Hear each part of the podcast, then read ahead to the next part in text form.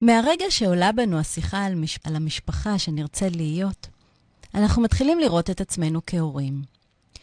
יש לנו המון חלומות על איזה הורים נהיה, על איך התא המשפחתי שלנו ייראה, על החלום הזה, שיש כאלה שיאמרו שאנחנו חולמים אותו מאז שהיינו ילדים.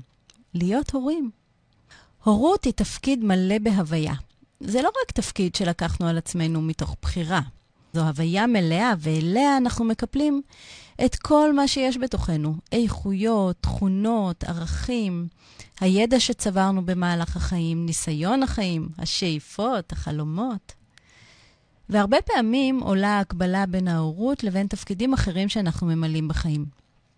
ואיך לתפקידים אחרים אנחנו לומדים, מכשירים את עצמנו, מתכוננים, ולהורות, לא, אנחנו פשוט נולדים אליה. אבל זה לא בדיוק כך, כי כל מה שצברנו בחיינו עד לרגע בו הפכנו להורים, הוא הרזומ, הרזומה שלנו, קורות החיים ש, ש, שאנחנו לוקחים איתנו ומפקידים לטובת התפקיד הגדול הזה. סגנון האישיות שלנו, סגנון התקשורת שלנו, האופן שבו אנחנו מנהלים מערכות יחסים בחיינו, מקורות ההשראה שלנו, וגם כמובן החסמים בחיינו, החששות, האמונות המעכבות. כולם, כולם מבטאים את ההורות שלנו ומשליכים על האופן שבו אנחנו בונים את מערכת היחסים שלנו עם הילדים שלנו ואת הדיאלוג הפנימי שלנו עם עצמנו ועם התפקידים השונים בחיים שלנו. ולמרות זה נדרשת הפרדה בין ההורות לישות. בין מי אני כמנהלת או כחברה לבין מי אני כהורה. מהסיבה הפשוטה שבכל מקום או תפקיד בחיים אני צריכה למלא צרכים אחרים, להוביל תהליכים אחרים, לבנות בסיסים אחרים להתפתחות ומימוש. וזה לא נכון לנהל את הבית כפי שמנהלים צוות בעבודה, וזה ודאי לא נכון לנהל משרד כפי שמנהלים בית. נכון, יש מיומנויות שונות שאפשר להשתמש בהן, בכל התפקידים, ועדיין נדרשות התאמות. ויש בי מהויות שלא משתנות בכל אחד מהתפקידים שאותם בחרתי למלא בחיי, ולצידם יש צורך להתאים ולשכלל מיומנויות חדשות שתואמות את דרישות התפקיד. וכשם שיש הגדרת תפקיד בעבודה, כך יש הגדרת תפקיד בהורות. והיא ברורה לכולנו. תפקידנו כהורים לגדל ילדים שיוכלו לנהל את עצמם בחיים. שיהיו עצמאיים, בעלי מעוף ותושייה, שידעו לנהל מערכות יחסים בצורה טובה, שידעו לעמוד על שלהם, שיהיו בעלי אורך נשימה וסבלנות לצד תשוקה פנימית לפעול, לעשות ולהתקדם, שתהיה בהם התבונה לבחור ולפעול נכון. אבל איך? איך למען השם עושים את זה? האם אפשר למלא איזה, לבקש איזה מניואל מדויק? זהו שלא. את המניואל הזה צריך לבנות, תוך כדי תנועה, והוא צריך להתאים את עצמו בכל זמן למה שקורה בשטח, למה שהילד מראה לנו, לגיל שלו, לתקופה, להתמודדויות השונות. כן, כדי לממש את החלום, עלינו לזכור כהורים שיש לנו אחריות להתפתח. להתפתח במקום האישי וההורי. לבחון את האופן בו אנחנו מתנהלים, והאם הוא אכן מקדם אותנו לכיוון המטרה. האם המימוש שאני, שלי היום כהורה מקרב את הילד שלי עוד קצת למימוש שלו את עצמו. היום בחגיגות יום המשפחה נדבר עלינו, ההורים. ונברר כמה שאלות, למשל, איזה הורים אנחנו? מה הסגנון ההורי שלנו, והאם הוא מתכתב עם מה שחלמנו לעצמנו שנהיה?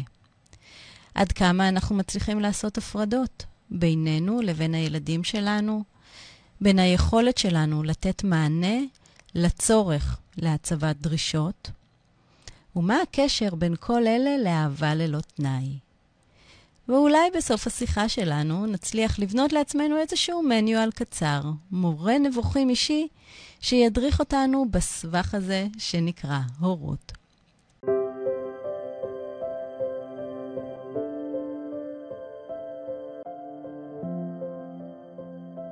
היי, אני טל קבסה, מייסדת הגישה לרפואה הוליסטית לילדים, ואתם מאזינים למדברים ילדים, הפודקאסט העוסק בקשר שבין תהליכי ההתפתחות של התינוק והילד ותפקודי היומיום.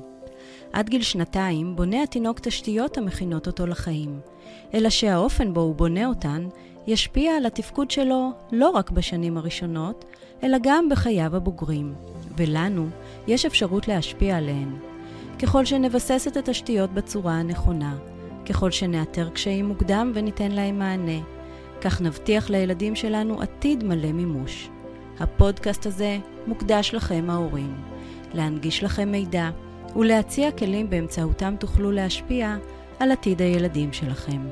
מדברים ילדים, אנחנו מתחילים.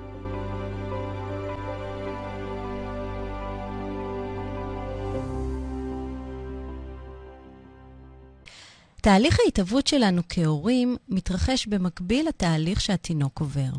הרי אנחנו ההורים נולדים בדיוק ברגע הזה שבו נולד התינוק, בין אם זו לידה ראשונה, או שנייה, או שלישית. כל לידה, כל לידה מובילה גם אותנו. כל, לידה מולידה גם אותנו, ההורים. וכשם שהתינוק גדל ומתפתח ולומד את דרכו בעולם, כך אנו לומדים, גדלים ומתפתחים כהורים בעולם. אלא שההתפתחות הזאת צריכה להיות בהלימה זו לזו, זו שלנו ההורים וזו של התינוק. ולכל אחד מאיתנו, ההורים, האב והאם, יש תפקיד מעט שונה בתהליך הזה, אבל אנחנו לא שונים בחלום המשותף שלנו, חלום המשפחתיות. בחודש הראשון לחיים התינוק נמצא בסוג של בועה, כזו ששומרת עליו מפני הגירויים של העולם החיצון. בחודש הזה אין לתינוק שום יכולת התארגנות או הכרה או צורך להכיר בכך שיש עולם נוסף מלבד עולמו שלו. זה הבוע, הבועתי בו הוא מצוי. בבועה הזאת כל הצרכים שלו נענים באופן מלא, לכאורה כבמטה של קסם. כמעט אין לו צורך לדרוש. לעתים מספיקה אבית קטנה כדי לסמן לאימא שאני רעב או עייף, והיא כבר מבינה, והצורך מתמלא. מבחינת התינוק, אין הבדל בינו לבין אימא או בינו לבין כל דמות מטפלת עיקרית אחרת. הם ישות אחת, בלתי נפרדת. הם יונקים מאותו מאגר אנרגטי ובונים את דרכם ביחד בעולם. לקראת גיל חודש וחצי, הבועה הזאת מתחילה להיסדק. אמנם התינוק והאם עדיין מהווים איזושהי יחידה אחת, אבל הפעם מתחילה להיווצר ביניהם סימביוזה, תלות הדדית. בחודשים האלה, התינוק תלוי לחלוטין באימא למלא את כל צורכיו ההישרדותיים, הזנה, הרגעה, הכלה, מגע. הקיום שלו מותנה לחלוטין ביכולת של האימא לספק לו את הצרכים. והסימביוזה הזאת מתבטאת אפילו ביכולות הפיזי... הפיזיולוגיות. כשם שהתינוק תלוי באימא לצורך הזנה בהנקה, כך גם היכולת של האימא להזין את התינוק תלויה בו לחלוטין. כי היכולת שלה לייצר חלב תהיה תלויה ביכולת המלאה של התינוק לינוק אותו. אז בשלב הזה התינוק מתחיל להבין שסיפוק הצרכים שלו מגיע מבחוץ. זאת אומרת, הייתה התפכחות מסוימת מהשלב הראשון. עכשיו נדרשת מידה של אינטראקציה, של יצירת קשר. מצד אחד, התינוק מתחיל לפתח את היכולת שלו לבקש מענה לצרכים בדרכים שונות, ומצד שני, האמא מפתחת את הרגישות ואת היכולת להבין מה הוא מבקש, וכמובן, להיענות לזה. עד לשלב שהצורך בא על סיפוקו. תלות הדדית, כבר אמרנו. זוהי מערכת היחסים הראשונה שמלמדת את התינוק ואת ההורה את הבסיס הכי חשוב למערכת יחסים טובה בכל גיל ועם כל אדם. ומה מאפיין אותה, או מה יש בה במערכת היחסים הזאת? רגישות, הקשבה, מענה לצורך, הכלה, זו מערכת שבה לז... לזמן הזה, האימא שמה את הצרכים האישיים שלה קצת בצד, ומתמסרת באופן מלא למילוי הצרכים של התינוק. זו מערכת שמלמדת את התינוק מה המשמעות של להיות תלוי ומטופל על ידי החיים. וכמה חשוב שבחודשים האלה תהיה הבנה מיטבית של הצרכים ומענה מדויק שלהם. כי רק מהמקום הזה יכול להתפתח השלב הבא ביחסים, והוא התחלה של שלב ההיפרדות. השלב שבו התינוק מרגיש מספיק בטוח ובעל יכולות להתרחק מאימא שלו, מההום בייס שלו, ולהתחיל לחקור את העולם שאליו הוא הגיע. כלומר, תהליך בסיסי בהורות הוא ההבנה שאנחנו כהורים משתנים וצריכים להתאים את ההורות שלנו לגיל ולצורך של התינוק, אחר כך של הילד. אז בחצי שנה הראשונה אנחנו במילוי צרכים ובסימביוזה מלאה, אבל החל מגיל חצי שנה, בערך, פחות או יותר, ולא בכדי בסמוך לזמן הזחילה, אנחנו אמורים להתחיל לשחרר, להעריך את החבל. לאפשר לתינוק ללמוד את עצמו ולהשאיר את עצמנו כתחנת תדלוק. אנחנו נוכחים, מלאים תמיד באנרגיה, וממלאים את הצרכים של התינוק כשהוא מרגיש צורך. בעצם אפשר לומר שהחודשים הראשונים לחיים מכינים את התינוק ליציאה לעצמאות שלו. זו שמצד אחד מתאימה לתינוק בן חצי שנה, ומצד שני מאמנת אותו ביכולת הזו להיפרד, להיות עצמאי. מה שבחודשים הראשונים לחיים נוטע בתינוק את כל מה שהוא צריך לעצמאות שלו בעולם. ומה עם הדברים האלה? אז מדובר בעיקר בשני פרמטרים עיקריים, היענות ודרשנות, ובואו נסביר. היענות, קצת דיברנו, מדובר בעיקר על היענות לצרכים. התינוק מבין שכשהוא מרגיש צורך, יש מי שיענה לו, והתחושה הזאת נוסכת בו ביטחון.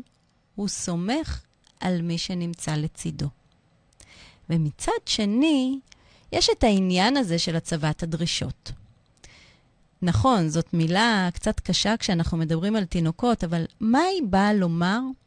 היא באה לומר שלנו, ההורים, יש אחריות בתיווך העולם בצורה נכונה. והעולם החיצוני בנוי על דרישות וחוקים וכללים, וחלק מהתפקיד שלנו הוא ליצור לתינוק גם את ההבנה של הדבר הזה וגם את המסוגלות שלו. אני אתן דוגמה. אה, למשל, יצירה של ויסות אצל התינוק. היכולת להבחין בין צורך לצורך ולתת לו את המענה הנכון, זה שבסופו של דבר יקדם את התינוק לכיוון הנפרדות שלו, פחות או יותר בזמן. אז אם התינוק שלנו כל הזמן בוכה ומבקש להיות על הידיים, זו שאלה האם נכון להיענות לדרישה הזאת, אם בסופו של דבר ההיענות שלי לצורך מעכבת את היכולת שלו להיפרד או להתרחק. מה שנכון לעשות הוא להבין מה המקור לצורך, מה גורם לתינוק להרגיש שהוא צריך להיות על הידיים, ולא למשל בשכיבה על המשטח, ואז לתת מענה לצורך הזה, לא בהכרח לצורך שהוא מראה. כך, אנחנו יכולים ליהנות גם מהזמן הזה שהתינוק על הידיים, אבל גם מהזמן שהוא שוכב בנינוחות על המזרון ומתפתח, בונה את הכישורים שלהם הוא זקוק, או הוא יזדקק עוד רגע כדי להיפרד לעצמאות. ואם התינוק שלי מבקש כל הזמן לינוק, יש מקום לשים ש... סימן שאלה. האם זה באמת צורך של רעב, או שאולי זו תחפושת לצורך אחר? ואיך אני אדע?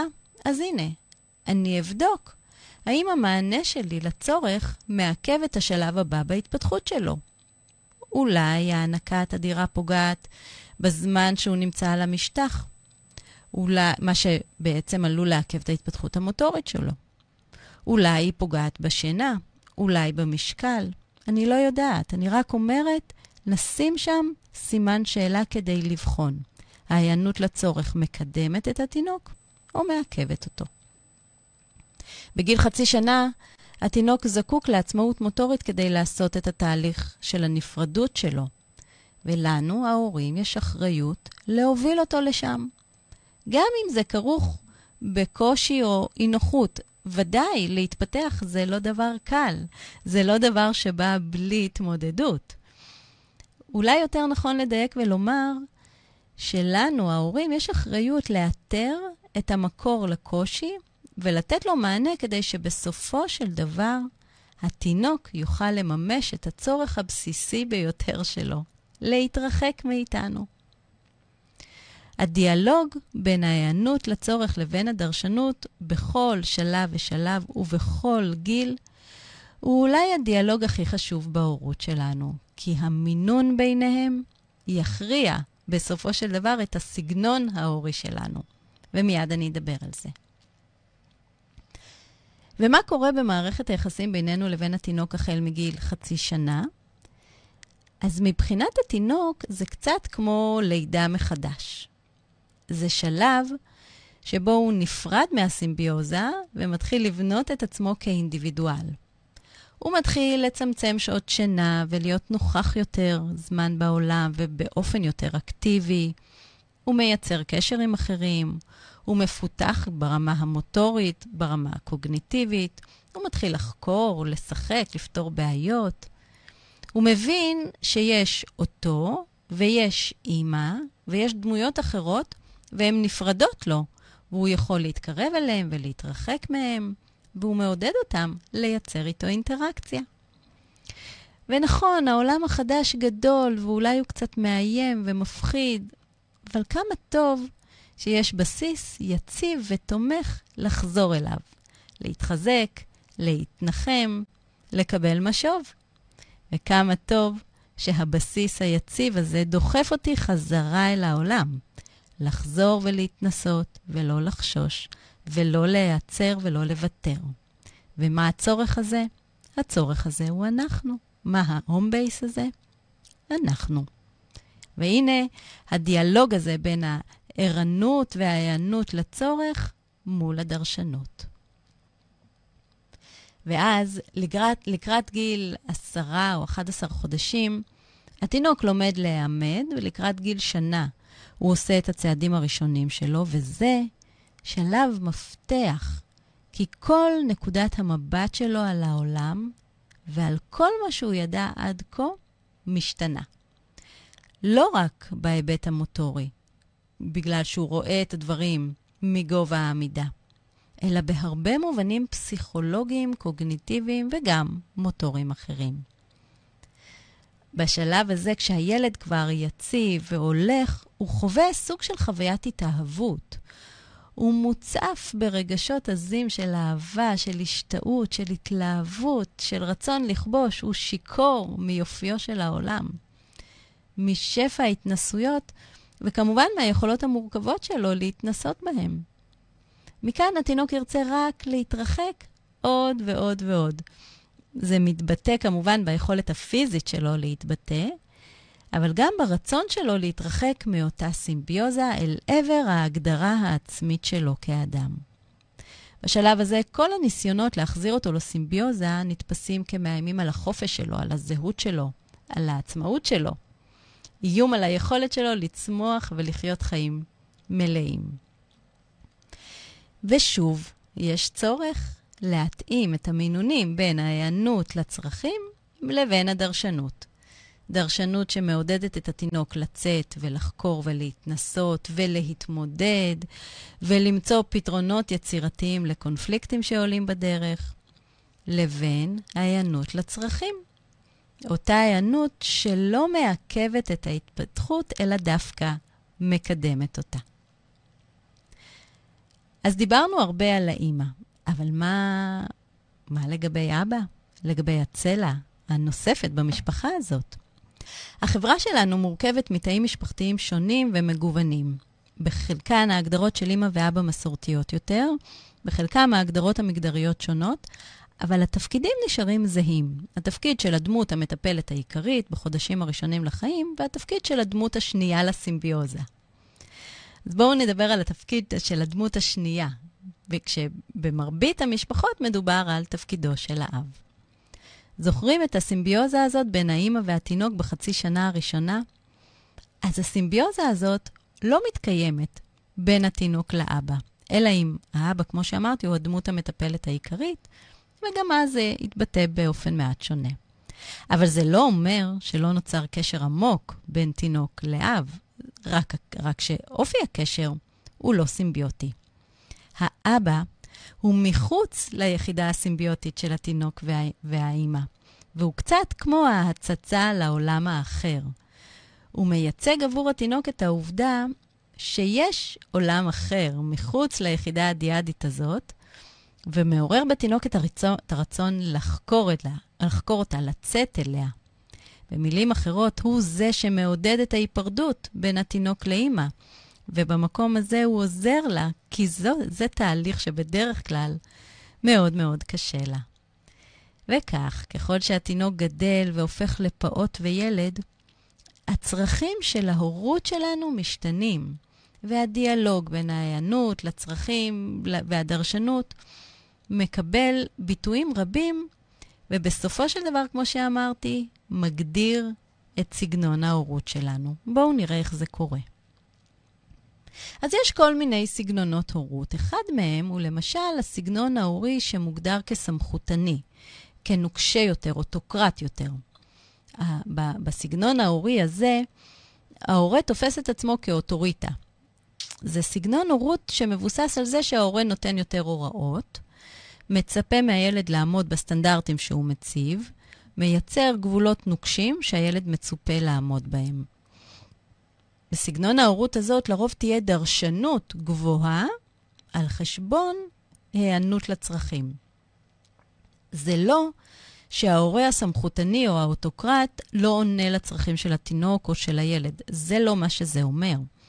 אבל זה אומר שהדרישה שלו, גבוה, שהדרישה הגבוהה שלו, עלולה לפעמים להתפרש בעיני הילד כחוסר מענה לצרכים. למשל, נחזור לדוגמה שדיברנו עליה מקודם, אם הילד בוכה ומבקש להיות על הידיים, אז הדרישה הבסיסית תהיה להתאפק, אה, יהיה איזשהו, איזושהי תחושה שמדובר אולי בפינוק. ונכון, דיברתי מקודם על הצורך בבחינת הדרישה והמקור לה, וזה בדיוק העניין, המינון, ההתאמה של המענה לצורך.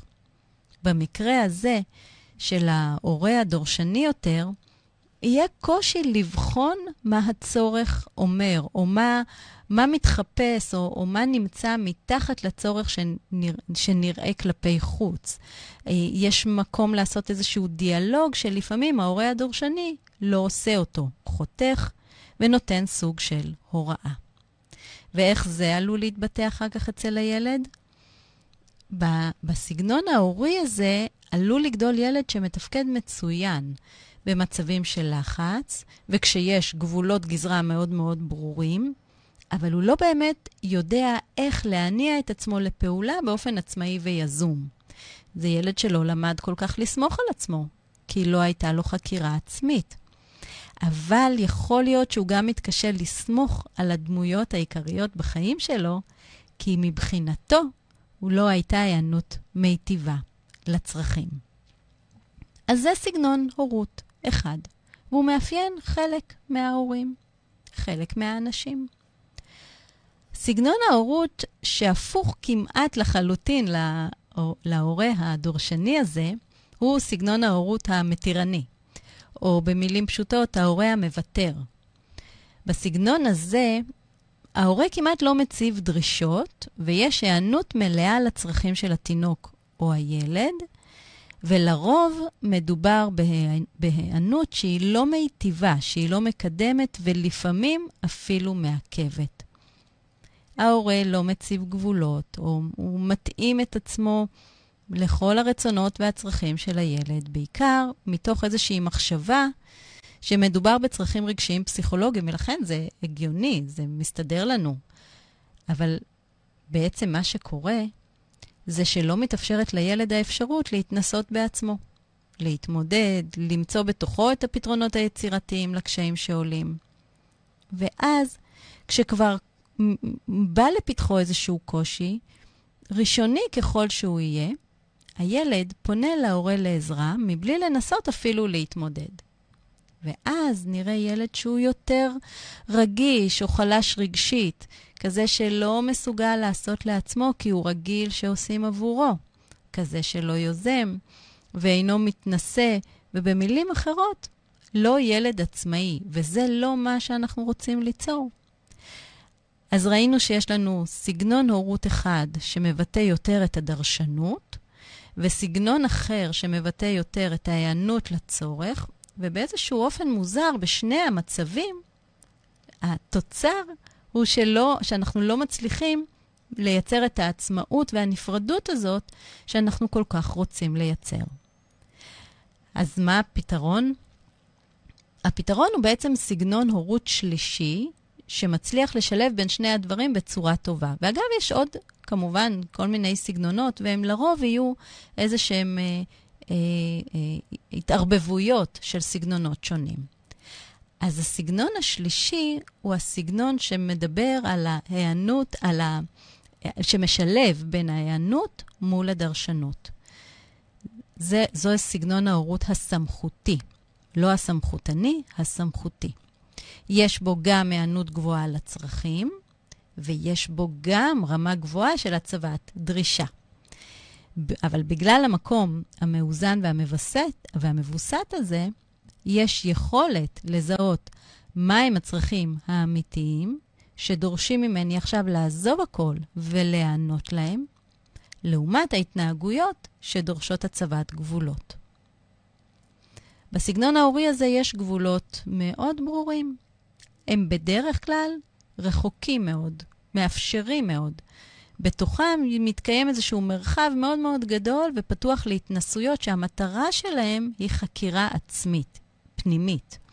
יש חוקים ברורים ויש גם מקור, מקום להכיר ברצונות ובדעות של הילד. יש תקשורת דיאלוגית, יש משא ומתן הדדי ו, אה, אה, ורציונלי, שבא מתוך מקום של להבין ולחקור את הסיבות לבחירות ולרצונות, ולא מתוך מקום של שידול להסכים למה שאני, ההורה הגדול והמפותח, אומר. זו גישה שבבסיסה רואה את הילד כאדם בעל זכויות ורצונות ושאיפות, ודורשת להתייחס אליו בכבוד ומתוך הערכה לרצונות שלו ולצרכים שלו כבר מגיל מאוד צעיר. ושימו לב שהכבוד או ההערכה לא באים בהכרח עם, אה, ביחד עם דרשנות נמוכה או עם היענות מוחלטת לצורך. לא, זה בדיוק ההפך. זה בדיוק התמהיל הזה שהילדים זקוקים לו כדי להיות עצמאיים. הום בייס, רגיש ורגשי, שנותן להם ביטחון שיש מישהו איתם ולצידם בדרך, ושיש מענה עקבי ויציב לצרכים, אבל יש הבנה מתי זה שלי ומתי זה שלו. מתי אני אמורה לעשות בשבילו ומתי הוא אמור לעשות לעצמו. אמ, ו- ופה בעצם מתגלה הסוד. פה מתפתח הילד הזה, שהופך להיות אחר כך לילד עצמאי, לילד נפרד. והבטחתי גם שנדבר על אהבה ללא תנאים. ומה הקשר שלה לכל זה? הרי זה, זה ברור לחלוטין שאנחנו, אה, ההורים, אוהבים את הילדים שלנו ללא תנאי.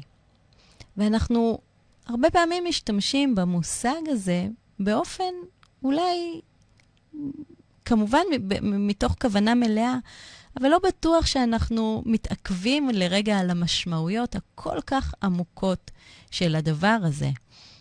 כי באופן אולי מפתיע ומוזר, כדי שאהבה ללא תנאי תתקיים בצורה נכונה, צריכים שיהיו לה כמה תנאים. אנחנו צריכים להבין את המהות שהיא מבקשת מאיתנו להבין, ואנחנו חייבים להבין את ההבדל בין היענות לצרכים לבין אהבה. אז מהי אהבה ללא תנאים? איזו שאלה פילוסופית גדולה. ואגב, זו, התשובה נכונה גם כשאנחנו מדברים על אהבה ללא תנאים בין, בינינו לבין הילדים, וגם אם אנחנו רוצים לקחת את המושג הזה לאהבות אחרות בחיינו. אז כן, אהבה ללא תנאים זה רגש בלתי נגמר, שלא, שלא משתנה בהתאם לנסיבות, לפעמים גם כשהן קיצונ, קיצוניות למדי. זה אומר שאני אוהבת אותך, ילדה שלי, מבלי שיהיו לאהבה שלי תנאי מסחר. מבלי שתעשי או לא תעשי בשבילי מה שאני מבקשת. מבלי שתסכימי או לא תסכימי למה שאני מבקשת. מבלי שתבחרי או לא תבחרי מה שאני הייתי רוצה בעבורך. מבלי שאנחנו רואות את העולם באותו האופן. לך יש את העולם שלך, לי יש את העולם שלי. יש בינינו אה, נפרדות מוחלטת לפעמים, לפעמים אנחנו רואים באופן זהה, אבל הקושי הוא כשאנחנו לא רואים באופן זהה. ועדיין, לצד כל זה ולצד הבחירות שאת עושה, אני אוהבת אותך בכל ליבי, והאהבה שלי לא משתנה. אהבה ללא תנאים אומרת שאני כאן. אני ההום בייס שלך, ילד, ואתה לעולם, תמיד ובכל תנאי יכול לחזור הביתה. לא משנה מה, אני אהיה לצדך. אני כן שמה פה בסוגריים מצבים מאוד מאוד קיצוניים שדורשים מאיתנו, מתוך המקום של האהבה, דווקא להתרחק. ושוב, זה לא אומר שאני תמיד אסכים למה שתעשה. או לא תעשה. זה לא אומר שאני תמיד אגבה אותך. זה גם לא אומר שאני אפתור דברים בשבילך. זה גם לא אומר שלא. זה אומר שלא משנה מה, אני כאן, כמו סלע יציב, ואני תמיד אעשה מה שנכון עבורך, איתך. אני אתן לך את כל מה שאתה צריך כדי לעשות את הדבר שאתה רוצה, שהוא משאת לבך, שהוא המימוש שלך, גם אם זה לא משאת ליבי.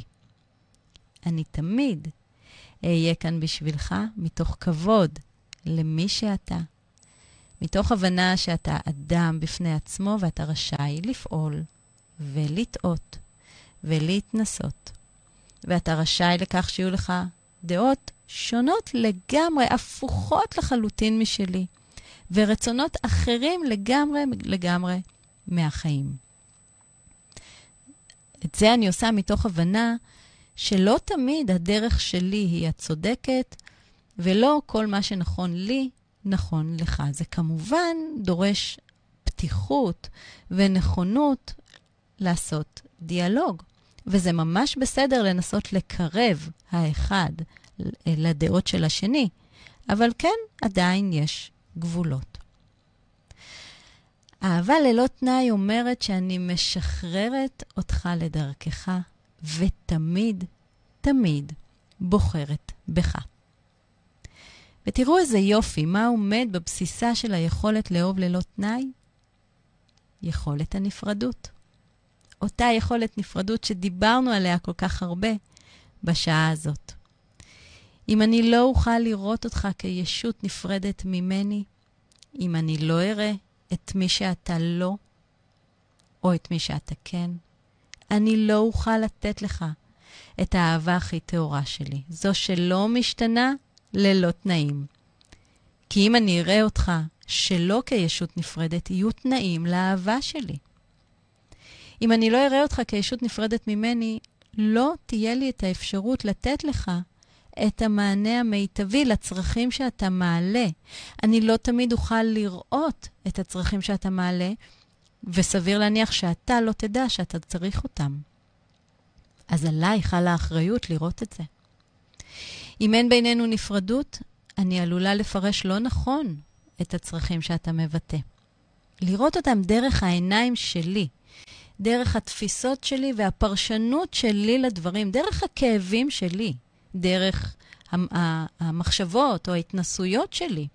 ואז אני אתן להם מענה. אבל, את המענה שאולי נכון לי ולא בהכרח נכון לך. אז איך מביעים בכלל אהבה ללא תנאי? לא במילוי צרכים אוטומטי, זה ברור. לא בלעשות בשביל. לא בלפנות מכשולים. לא בלחפות וללמד הסרת אחריות, אלא בלהיות נוכח, בלהקשיב, אבל באמת להקשיב דרך הלב, דרך העיניים, דרך שפת הגוף, לא, לא רק דרך האוזניים. ואם זה דרך האוזניים, אז זה להקשיב במשורה ממש למה שעולה מבין המילים. היא מתבטאת בלקיים דיאלוג, בלהוכיח שכשקשה, ולא משנה אם אני מסכימה עם הקושי או לא, אני כאן תומכת ובודקת איתך מה אתה צריך, ומה יעזור לך לעבור את המשבר הזה בצורה הכי טובה.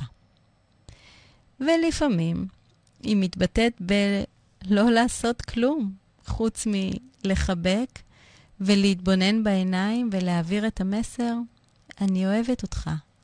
ככה, בדיוק כמו שאתה. זהו, חברים יקרים שלי, עד כאן התוכנית שלנו להיום, תוכנית מיוחדת ל... ליום המשפחה. אני מקווה, מקווה שנהניתם. כמו תמיד, תוכלו להמשיך ולהתייעץ איתי ולשאול, וכמובן, לשתף בקהילה שלנו הורים לומדים בפייסבוק. אתם כמובן מוזמנים לשלוח לי נושאים שמעניין אתכם שנעסוק בהם בתוכניות הבאות.